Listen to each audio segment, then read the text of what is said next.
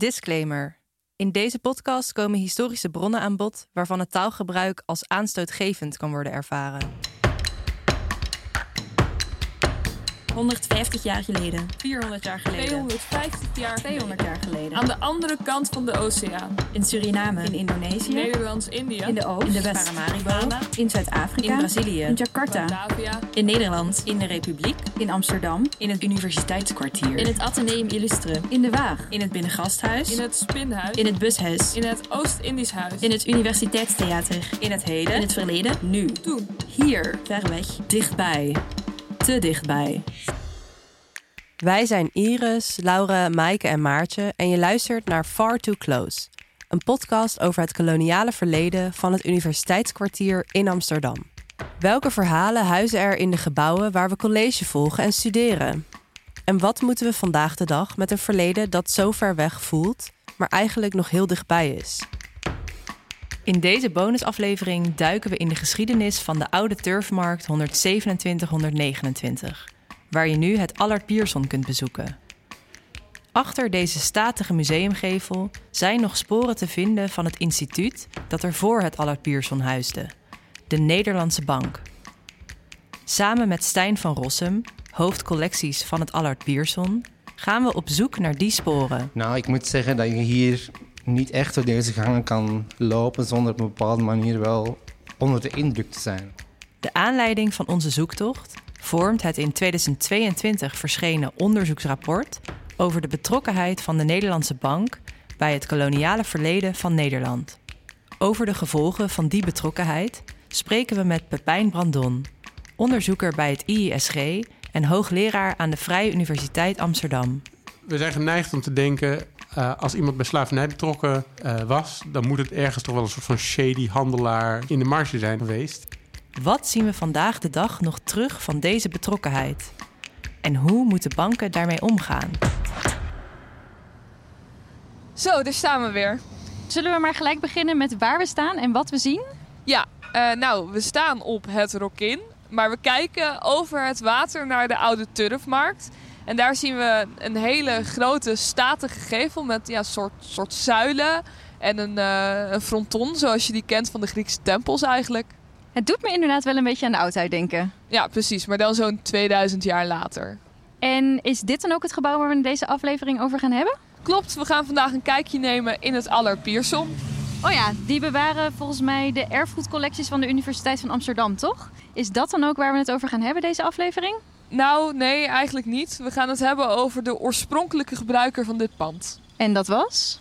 Uh, dat was de Nederlandse Bank, de Centrale Bank van Nederland. Uh, die werd in 1814 opgericht en tot 1968 was dit hun hoofdkantoor.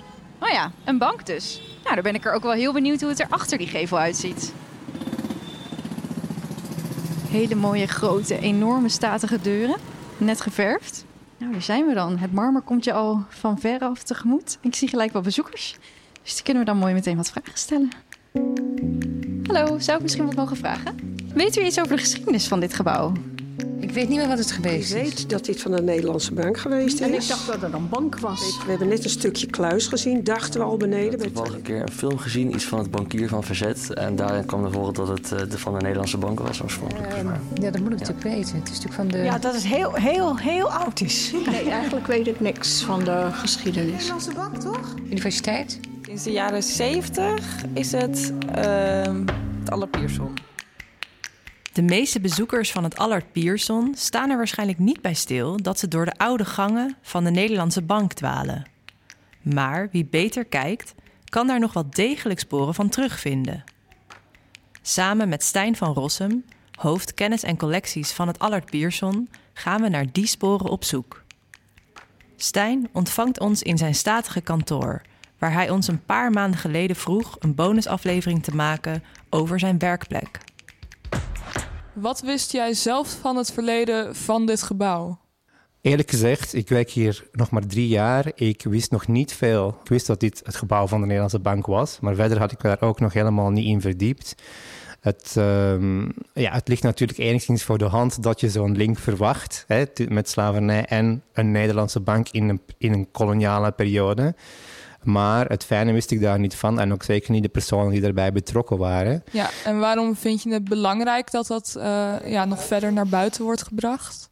Omdat ik denk dat je als nou ja, een instelling die bezig is met het verleden uh, ook heel bewust moet zijn naar de plek in de stad die je inneemt en, en wat daar allemaal aan kleeft aan, aan, voor verleden.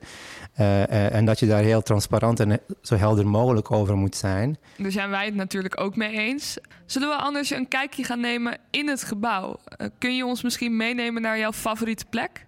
Absoluut. Dat is een paar meter deze kant uit. Een plek die heet nu het verhalenkabinet.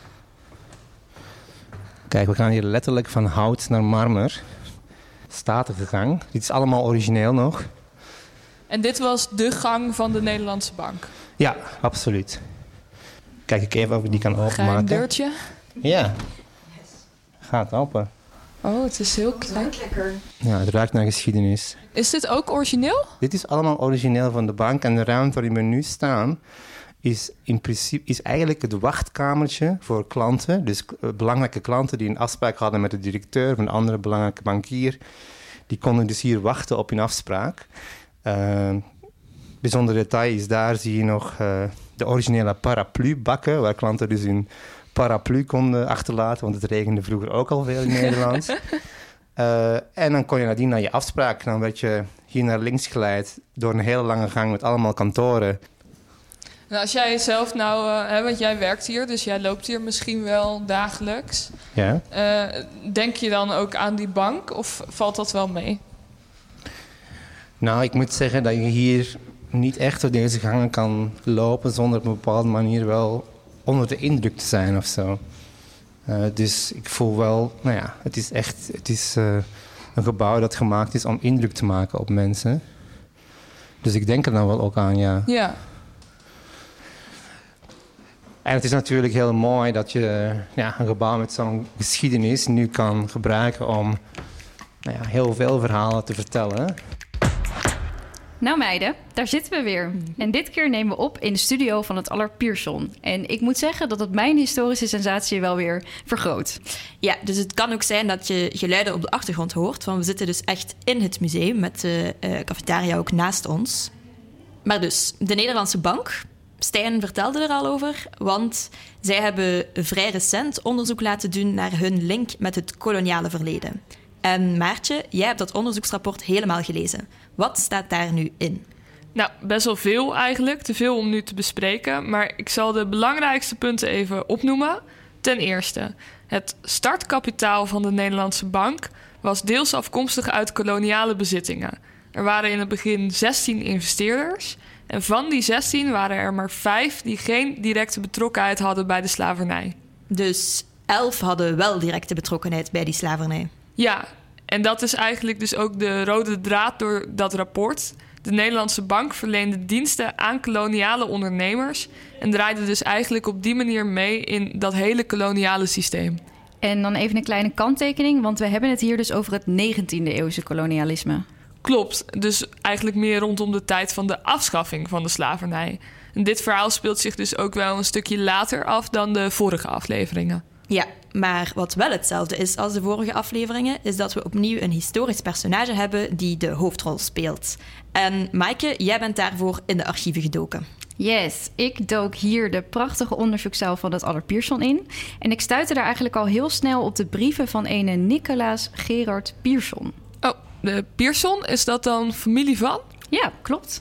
Uh, Nicolaas was de broer van Allard Pierson, naar wie het museum later na zijn dood vernoemd is. Allard zelf heeft het museum dus nooit meegemaakt. Hm, dus eigenlijk is het puur toeval dat zijn broer Nicolaas precies op die plek werkte, die later naar Allard is vernoemd. Mm -hmm. Maar even behalve die familiebanden, hè? waarom is Nicolaas nou zo belangrijk? Uh, Nicolaas was eigenlijk een van de directeuren of bestuursleden van de Nederlandse Bank in de jaren direct na de afschaffing van de slavernij. En hij werd later ook de president van diezelfde bank. En president, dat moeten we zien als zeg maar de grote baas van de bank. Ja, klopt. Okay. Uh, ik vond in het archief trouwens ook een prachtige beschrijving van Nicolaas. En die wil ik jullie niet onthouden. Nicolaas had, en ik zal citeren, een kaal hoofd, bolle wangen, grote fletsblauwe ogen, een brede neus met opvallend grote neusgaten, bakkenbaarden en een vrij grote, gegolfde, minzame mond. Een voortdurend denkende blik, alsof hij telkens zeggen wil: Ja, maar, vergeet, niet. En, een zachte, aangename stem. Oh ja, en met die zachte, aangename stem heeft hij vast dingen gezegd eh, die we in verband kunnen brengen met het koloniale verleden van de bank, of niet? Ja, dat klopt. Nicolaas kwam al op jonge leeftijd in aanraking met slavernij. Op zijn eerste zakenreis bezoekt hij het zuiden van de Verenigde Staten. En vanuit daar schrijft hij dan regelmatig brieven naar huis, die allemaal starten met: Lieve mama en papa. Over slavernij schrijft hij dan bijvoorbeeld, en ik citeer weer: Wat deze slavenkwestie zelf betreft, zo, moet ik u eerlijk bekennen dat hoe meer ik erin kom, hoe meer ik de overtuiging begin te krijgen dat de afschaffing van de slavernij in de VS, althans voor de zwarte zelf, het grootste ongeluk zou wezen. Maakt men een slaaf vrij, dan maakt men hem voor tijd en eeuwigheid ongelukkig. Hij kan niet voor zichzelf zorgen. Hij heeft er niet het minste benul van. Mm, dus eigenlijk is Nicolas hier van mening dat zwarte mensen niet in staat zouden zijn om voor zichzelf te zorgen. Ja, nee, dat is eigenlijk wel wat hij zegt. En blijft hij bij die mening als hij directeur wordt van de Nederlandse Bank? Want dat is pas tien jaar later, toch? Uh, ja, als hij directeur wordt, dan zitten we in het jaar 1868. De slavernij is dan dus net een paar jaar afgeschaft. Maar Nicolaas blijft ervan overtuigd dat de vroegere tot slaafgemaakten zich alleen onder begeleiding van de kolonisator kunnen ontwikkelen tot vrije arbeiders. Dus eigenlijk onder het toeziend oog van de Nederlandse staat. Ja, en dat gebeurt vervolgens ook. En die periode noemen we daarom ook wel de periode van staatstoezicht. Die duurde na de afschaffing van de slavernij nog tien jaar.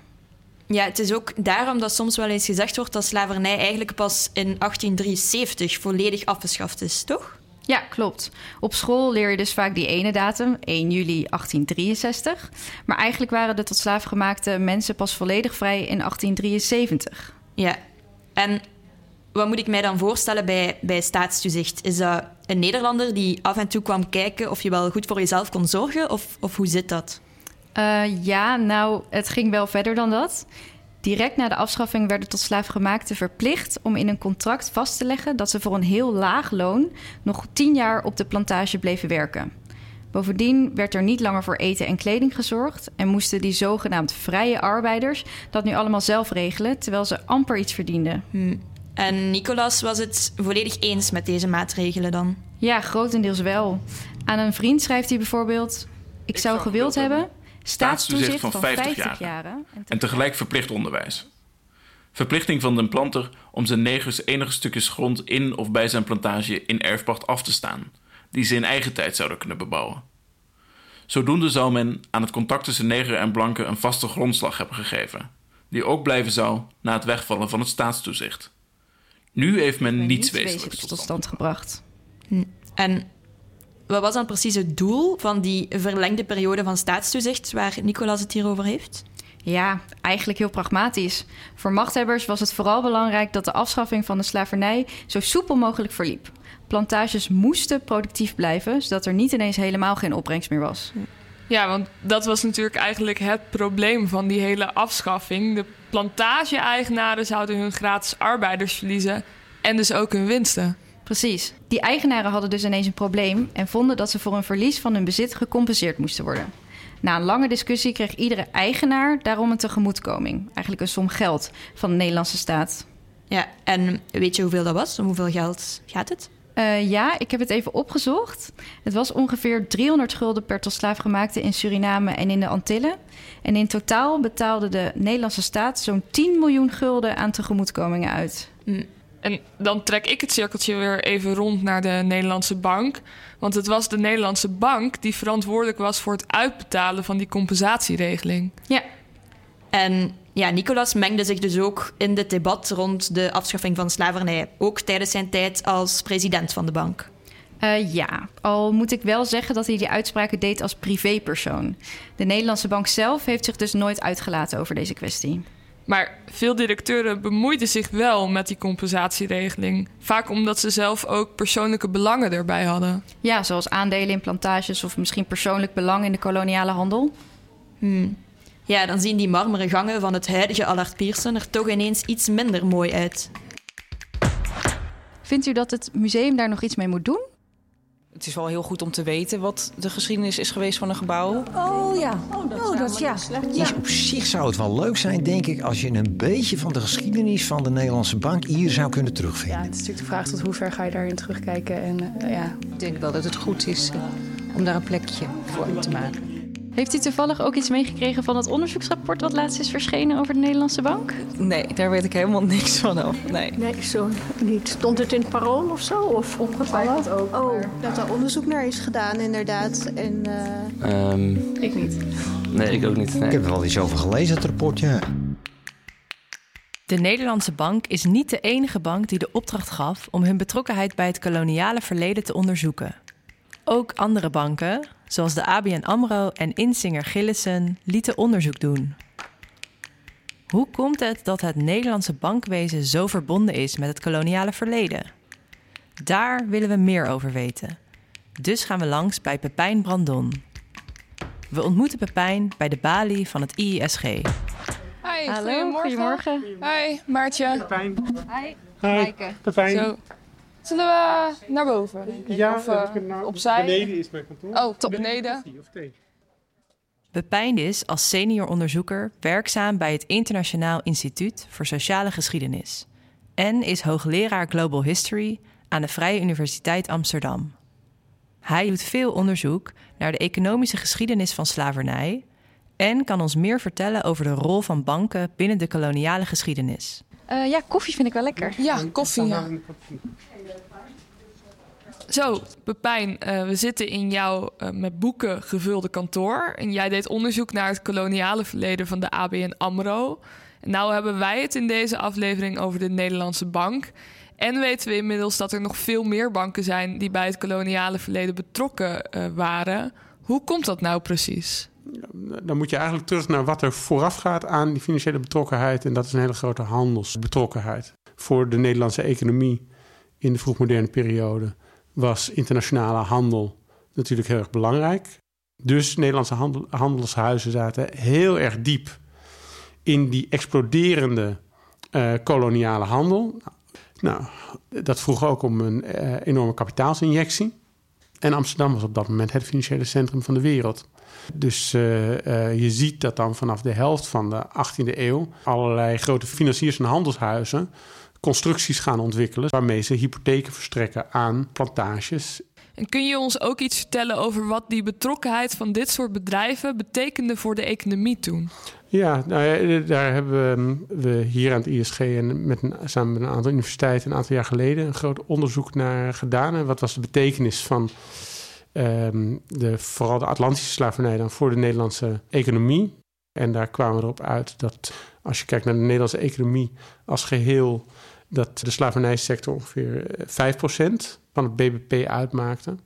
Om dat inzichtelijk te maken hebben we in dat artikel verwezen naar recent onderzoek naar de Rotterdamse haven bijvoorbeeld. Daaruit bleek dat uh, nu de, de, Rotterdamse haven, nog steeds een van de grootste havens ter wereld, is ongeveer 6% van de Nederlandse economie. Dus je hebt dat, dat, dat is vergelijk. Dus dan krijg je wel een indruk van, nou, dit, dit gaat echt om een heel belangrijk deel van die Hollandse handelssector. En is de rol van banken hierin dan nog bepalend voor hoe groot dat kon worden?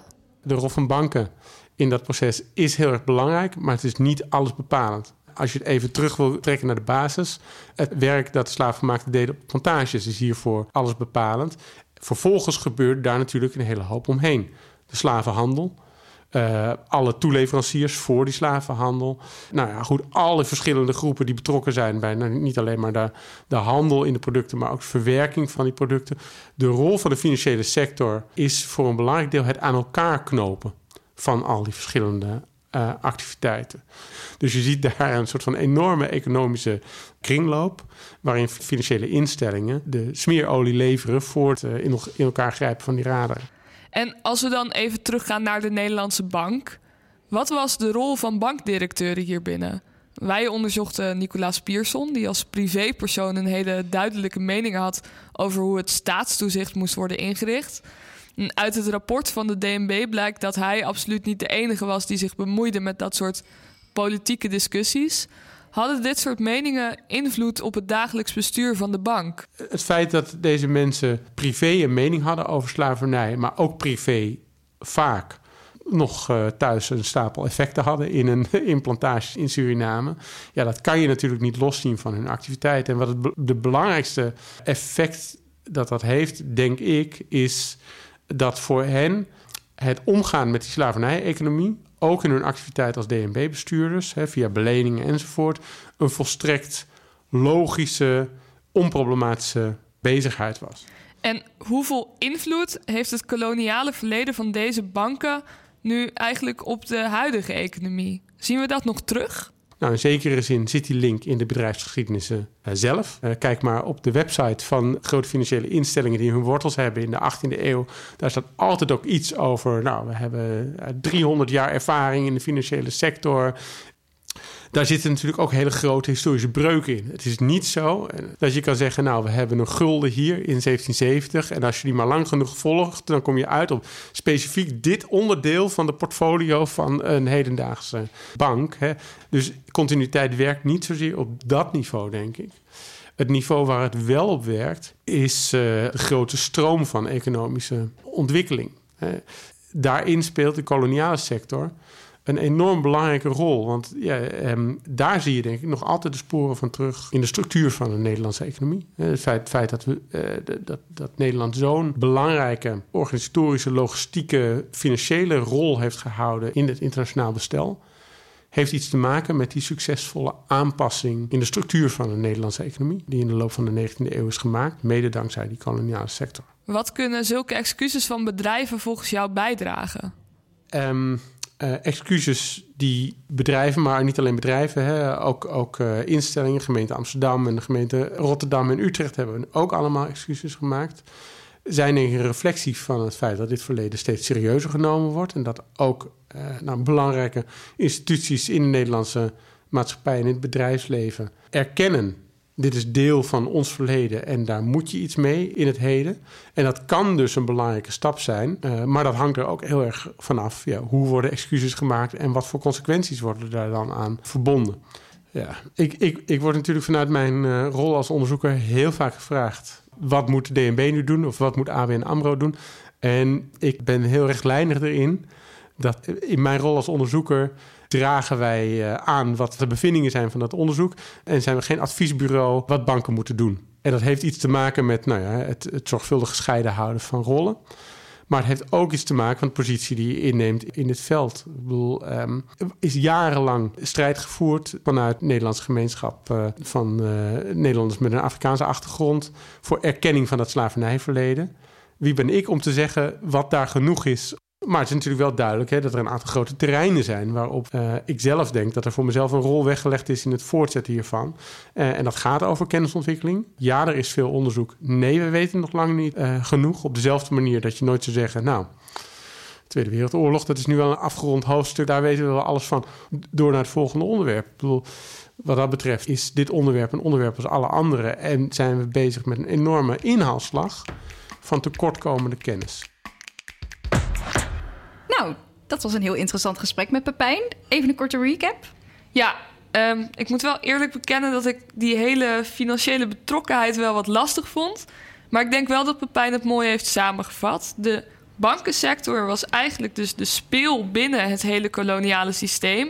En zij linkte dus alle betrokkenen aan elkaar en faciliteerde zo ook dat systeem. Ja, en die centrale positie van Nederlandse banken toen heeft er ook voor gezorgd dat Nederland een belangrijke speler is gebleven in die internationale handel. Dus ja, eigenlijk die, die belangrijke financiële rol op, op internationaal gebied hebben we deels te danken aan de vroegere betrokkenheid van die banken bij het kolonialisme. Ja, en dat is eigenlijk iets wat ik helemaal niet wist. Uh, maar goed, die onderzoeken die banken nu laten doen en de eventuele excuses ook, die zorgen er wel voor dat het verleden meer zichtbaar wordt. Ja, en ja, dan zijn we ook weer terug bij het Allard Pierson, die dus met deze podcast ook meehelpt om het verleden meer bekend en bespreekbaar te maken. Ja, dus ik denk de volgende keer dat ik hier dan door die marmeren gangen loop, let ik niet alleen op de prachtige collectie, maar denk ik ook nog even terug aan Nicolaas Pierson en de rol van de Nederlandse bank. En wat vind jij? Hoe vind jij dat banken met hun betrokkenheid bij de koloniale geschiedenis om moeten gaan? Kijk jij na deze aflevering anders naar jouw eigen bank? En op welke manier kan dit deel van de geschiedenis een plek krijgen in de collectie van het Allard Pierson?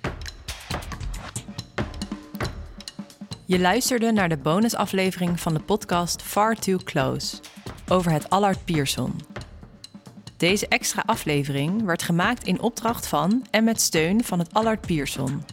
Far Too Close wordt gemaakt door Iris van der Werf, Maartje van Bennekom, Maaike de Klein en Laure Lambert. Voor deze bonusaflevering zijn we veel dank verschuldigd aan Stijn van Rossum en Pepijn Brandon, die beide uitgebreid de tijd hebben genomen om met ons in gesprek te gaan. Ook veel dank aan Carwan Black, Lauren Lauret en Joris van den Tol, die samen het boek Dienstbaar aan de keten schreven. Het rapport dat de aanleiding vormde voor deze bonusaflevering. Tot slot bedanken we Jorn Beuzekom, die onze historische bronnen met zijn stem tot leven wekte. Wil je meer weten over de verzwegen verhalen van gebouwen van de UVA? Bezoek dan ook onze website via www.voxpop.uva.nl en volg ons op Instagram via fartooclose-podcast. De zes eerdere afleveringen van de podcast kwamen tot stand met de steun van faculteiten en instituten van de Universiteit van Amsterdam en de KNW. En in samenwerking met Voxpop, de creative space van de faculteit Geesteswetenschappen van de UVA. En Microphone Media. Wij danken de faculteit Geesteswetenschappen van de UVA en de Graduate School of Humanities de Amsterdam School for Heritage, Memory and Material Culture, de faculteit der Natuurwetenschappen, Wiskunde en Informatica, de faculteit der Rechtsgeleerdheid, Bureau Communicatie, het Chief Diversity Office, Huisvestingsontwikkeling, de bibliotheken van de UVA en HVA en NIAS KNW. Ook heel veel dank aan iedereen die ons tijdens het proces heeft geholpen en van advies heeft voorzien. Met een speciale vermelding voor Ganima Kausolea, de initiatiefnemer van deze podcast, en voor onze docenten van de Master Publieksgeschiedenis, Laura van Hasselt en Paul Knevel, die dit project mede mogelijk hebben gemaakt.